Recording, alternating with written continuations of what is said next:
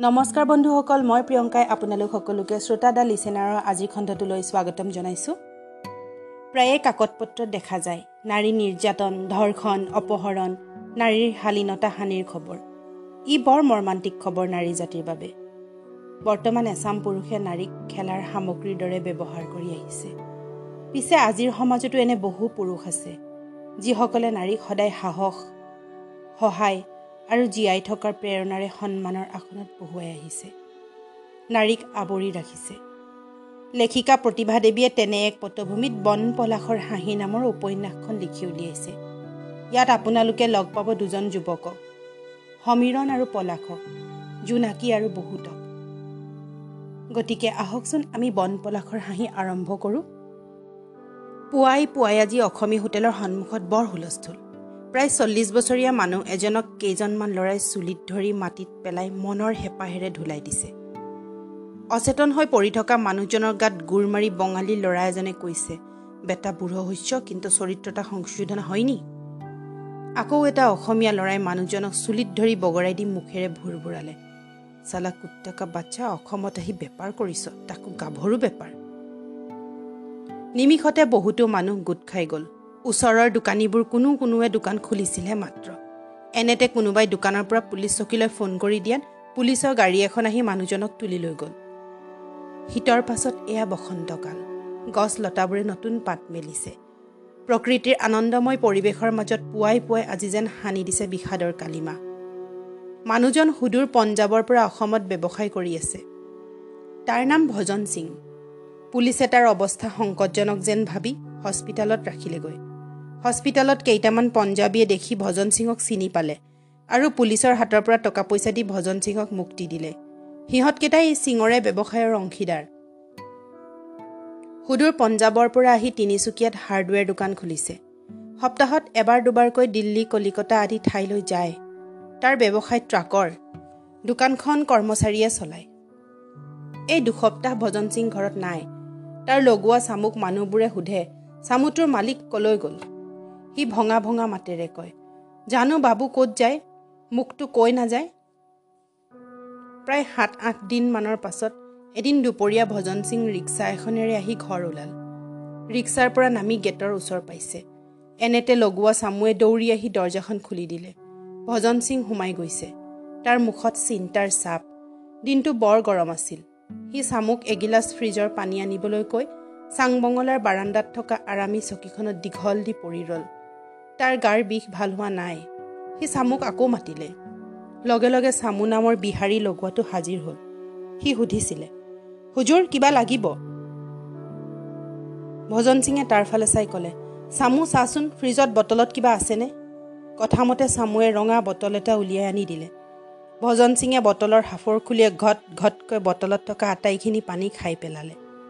লাহে লাহে সন্ধ্যা নামি আহিছিল। চামুৱে তাৰ মালিকৰ কিছু কথা জানে। তাৰ চৰিত্ৰ বৰ লেতেৰা। সি আজি ভাবিছে কি হ'ল মালিকৰ? আজিচোন তাৰ কথা বতৰাত ৰস জীপ নোহোৱা হৈছে। আকৌ তাক মাতিলে চামু অ' চামু তই দুখনমান শুকান ৰুটি কৰিবি আৰু শুন মোৰ বিচনাখন ঠিক কৰি দে। হৰিপদৰ হোটেলৰ পৰা অলপ মাংস লৈ আহ অলপ কেঁচা পিঁয়াজ দিবি। অলপ সময়ৰ ভিতৰত চামুৱে আটাইবোৰ বস্তু আনি টেবুলত থলে। সি এবাৰ আকৌ আহি সুধিলে বাবু কিবা লাগিব? নাই নালাগে। অ' চামু তই ভাত খালি? নাই খোৱা বাবু। বাৰু খাই বৈ লৈ এবাৰ আহিবিচোন। মোৰ কমৰটো অলপ মালিচ কৰিব লাগিব। হঠাৎ ভজন সিঙৰ মুখৰ পৰা ওলাই আহিল। কুত্তাকা বাচ্চা চালা কাহে যায়গা? এক দিনটো মিলেগা? কি হ'ল মালিক? মোক কিবা কৈছে? ভয় খাই গ'ল চামু নামৰ লগোৱাজন। নাই যা। আকৌ চামুৱে সোধে। কিবা টকা পইচা হেৰাইছে নেকি মালিক? নাই নাই কিবা কৈছোঁ দে। কিমান আৰু কামানি কৰিম? ভজন সিঙে আকৌ মাতে। চামু হুজুৰ মই নথকাত কোনোবাই বিচাৰিছিল নেকি? হয় বাবু দুই চাৰিটা গোফ থকা ল'ৰাই আপোনাৰ কথা সুধিছিল। কিবা চান্দা বিচাৰিছিল হ'বলা। দেখাত পাৰ্টীৰ মানুহ যেন লাগে বাবু। পিছে তই কি ক'লি? সিহঁতৰ চেহেৰা দেখিয়ে ভয় লাগে। মই চিনি নাপাওঁ বুলি ক'লোঁ। যা ভাল কৰিলি। মই ঘৰত থাকিলেও নাই বুলি কবি। আজিকালি মানুহৰ চিনা টান। চামু যোৱাৰ পাছত সি মুখতে ভুৰ ভুৰালে। তাৰ গোটেই গাটো বিষ। সমীৰণ বৰুৱা বিশ্ব কাকতিৰ পৰিয়ালৰ লগত চিনাকি হোৱা বৰ বেছিদিন হোৱা নাই। অতি কম দিনৰ ভিতৰত কাকতিৰ পৰিয়ালৰ এজন হৈ পৰিল। ল'ৰাজন নাজিৰাৰ। মাহীমাকৰ অত্যাচাৰত পঢ়া শুনা এৰি ঘৰৰ পৰা পলাই আহিছিল।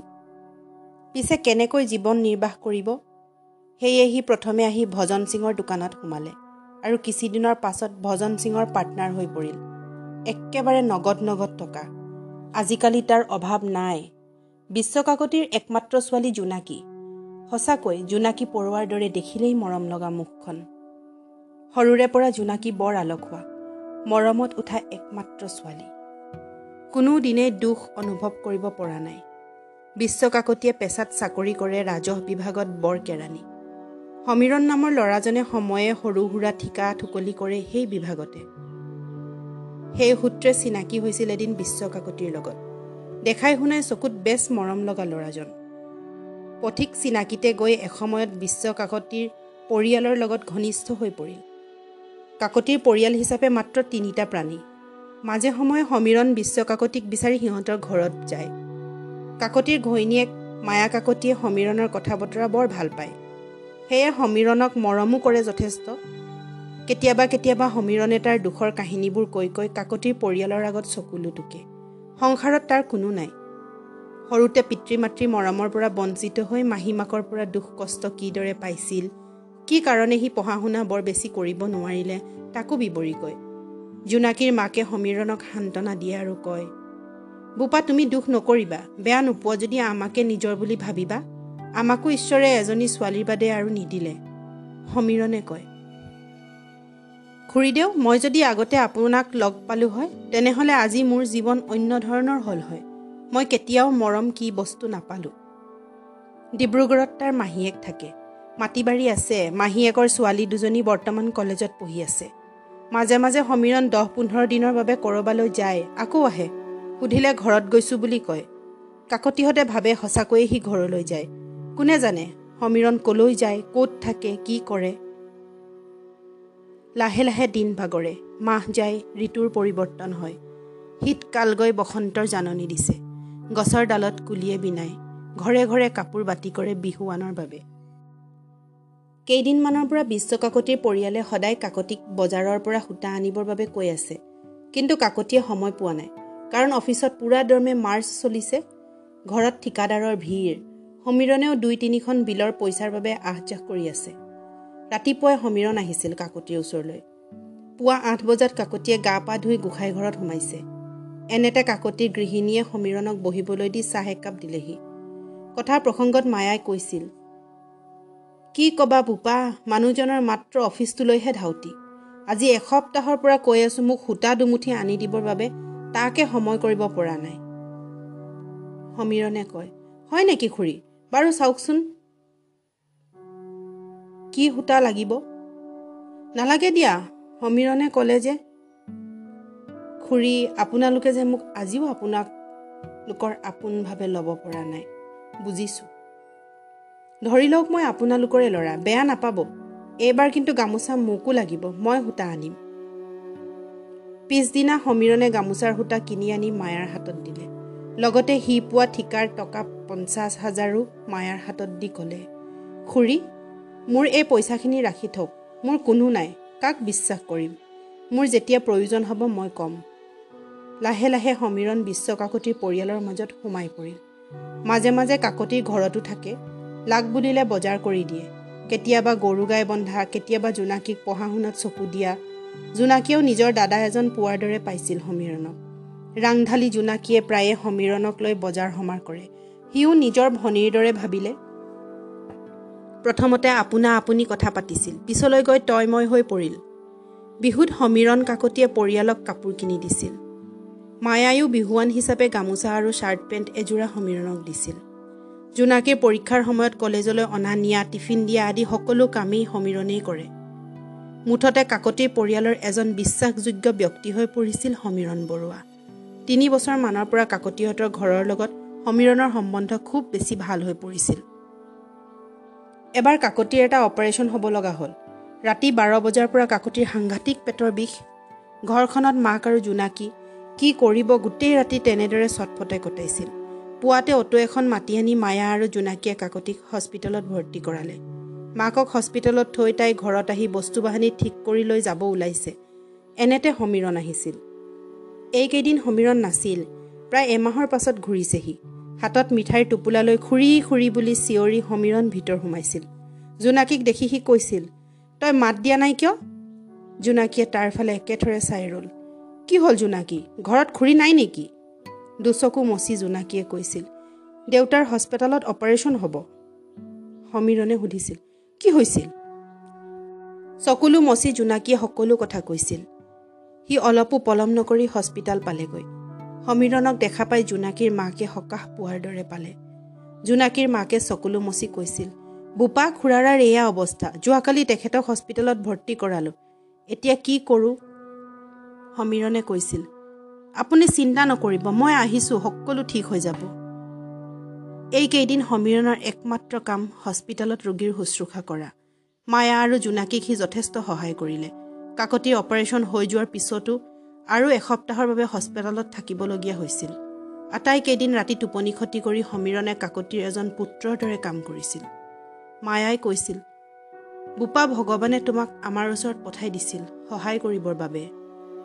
উত্তৰত সমীৰণে কৈছিল মোৰে ভাগ্য খুৰী মইতো দুৰ্ভগীয়া। মা দেউতাৰ শুশ্ৰূষা কৰাৰ ভাগ্য নহ'ল। তথাপি আপোনালোকৰ মৰমত মই যেন সকলো পাইছোঁ। এইদৰে তিনিমাহ পাৰ হৈ গ'ল।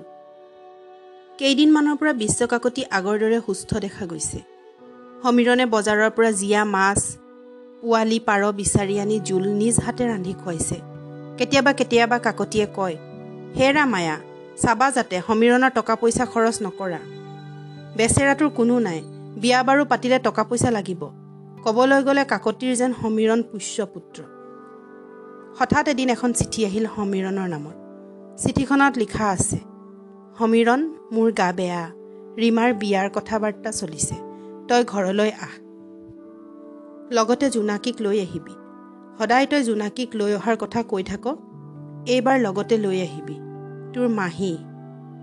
আকৌ চিঠিখনৰ সিপিঠিত লিখা আছে। শ্ৰদ্ধাৰ কাকতি নমস্কাৰ ল'ব।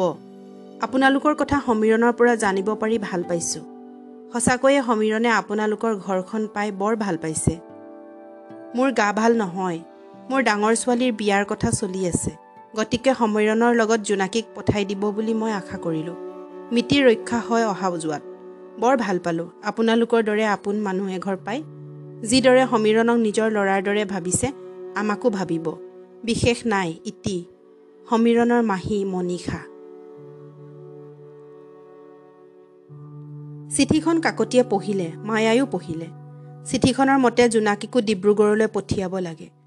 সমীৰণে কেইদিনমানৰ পৰা জোনাকীক কৈছিল এইবাৰ তোক আমাৰ ঘৰ দেখুৱাই আনিমগৈ। খুৰাৰো গাটো ভাল এতিয়া। যোৱা সপ্তাহত কাকতীয়ে কাৰ্যালয়ত যোগদান কৰিছে। জোনাকীৰো মন ডিব্ৰুগড় চোৱাৰ বিয়া বাৰুৰ কথা গতিকে মায়াৰ পৰা টকা পঞ্চাছ হাজাৰ সমীৰণে ল'লে আৰু যাবৰ বাবে যো জা কৰিলে। ইমান বিশ্বাস আৰু নিষ্ঠা সহকাৰে কাকতিৰ পৰিয়ালে সমীৰণক ভাবিলে যে কোনো ধৰণৰ সন্দেহ তাত থাকিব নোৱাৰে।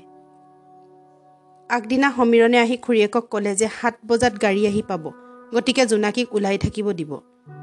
মাকে ঘৰুৱা জা জলপান আৰু পিঠা পনা কিছু ঘৰতে তৈয়াৰ কৰিলে। নিৰ্দিষ্ট সময়ত এখন বগা মাৰুতি আহি ঘৰৰ সন্মুখত ৰখালে সমীৰণে। জোনাকীৰ মাকে কৈছিল বোপা জোনাকীক বেছিদিন নাৰাখিবা। জানাইতো মোৰ ঘৰখন একেবাৰে অকলশৰীয়া। সি কৈছিল খুৰী আপুনি জোনাকীৰ বাবে চিন্তা নকৰিব। মাত্ৰ এসপ্তাহ মই নিজে আহি থৈ যাম। পুৱা নমান বজাত সমীৰণ আৰু জোনাকী আহি গাড়ীত বহিল। তীব্ৰ বেগেৰে গাড়ী গৈ থাকিল। এসময়ত সন্ধ্যা নামি আহে। সূৰ্য দেৱতাৰ অৱসৰৰ পাছত সন্ধ্যা দেৱীয়ে পৃথিৱীত শান্তিৰ নিজৰা বোৱালে। গাড়ীত গৈ থাকি জোনাকীৰ আমনি লাগিল। সমীৰণক সুধিলে আৰুনো কিমান দূৰ সমীৰণ দা? সমীৰণে তাৰ ফালে চাই কৈছিল তই ভাগৰি পৰিছ নেকি? চাচোন এবাৰ আহোঁতে মই কিমান কষ্ট কৰোঁ? জোনাকী কথা এটা ভাবিছোঁ যোৱাৰ বাটতে মোৰ পেহীৰ জীয়েক ভনীজনীৰ ঘৰ পাম। তাতে নহ'লে ৰাতিটো কটাই যাওঁ। বহুদিন তাইৰ ঘৰলৈ অহা নাই। কামৰ তাগিদাত পাহৰিয়ে আছোঁ। তই বেয়া পাবি নেকি? জোনাকীয়ে কৈছিল। মই কি ক'ম? এতিয়া আপুনি যলৈ নিয়ে তালৈকে যাবই লাগিব নে কি কয়? জোনাকীৰ কথাত সমীৰণে ক'লে। নহয় মানে তই বেয়া পালে নালাগে। জোনাকীয়ে কৈছিল। কিয় বেয়া পাম? আকাশত তেতিয়া তৃতীয়াৰ কাচি জোন। অলপ অলপ পোহৰ। বাহিৰত জিলিৰ ঝি ঝি শব্দ। সহজ সৰল জোনাকীৰ মনত কোনো শংকা নাই। অবিৰাম গতিত গাড়ীখন চলি আছে। ৰাতি প্ৰায় আঠমান বজাত সিহঁতৰ গাড়ী গৈ তিনিচুকীয়া পালে। চহৰৰ পৰা প্ৰায় এক ফাৰ্লংমান দূৰত আহি ড্ৰাইভাৰক গাড়ীখন ৰখাবলৈ ক'লে সমীৰণে। গাড়ীত জোনাকীক বহুৱাই থৈ সমীৰণে প্ৰায় আধা ঘণ্টামানৰ বাবে বাহিৰলৈ গ'ল। ঘূৰি আহি সমীৰণে জোনাকীক ক'লে জোনা কথাটো বেয়া হ'ল জানা? ভণ্টি আৰু জোঁৱাই যোৱাকালি কলিকতালৈ গ'ল। ঘৰত মাত্ৰ কাম কৰা মানুহ দুটা আছে। বেয়া নোপোৱা যদি ৰাতিটো আমি ইয়াতে কটাওঁ? নে কি কোৱা? একো অসুবিধা নাই। ৰাতিপুৱা সোনকালে ডিব্ৰুগড় পামগৈ।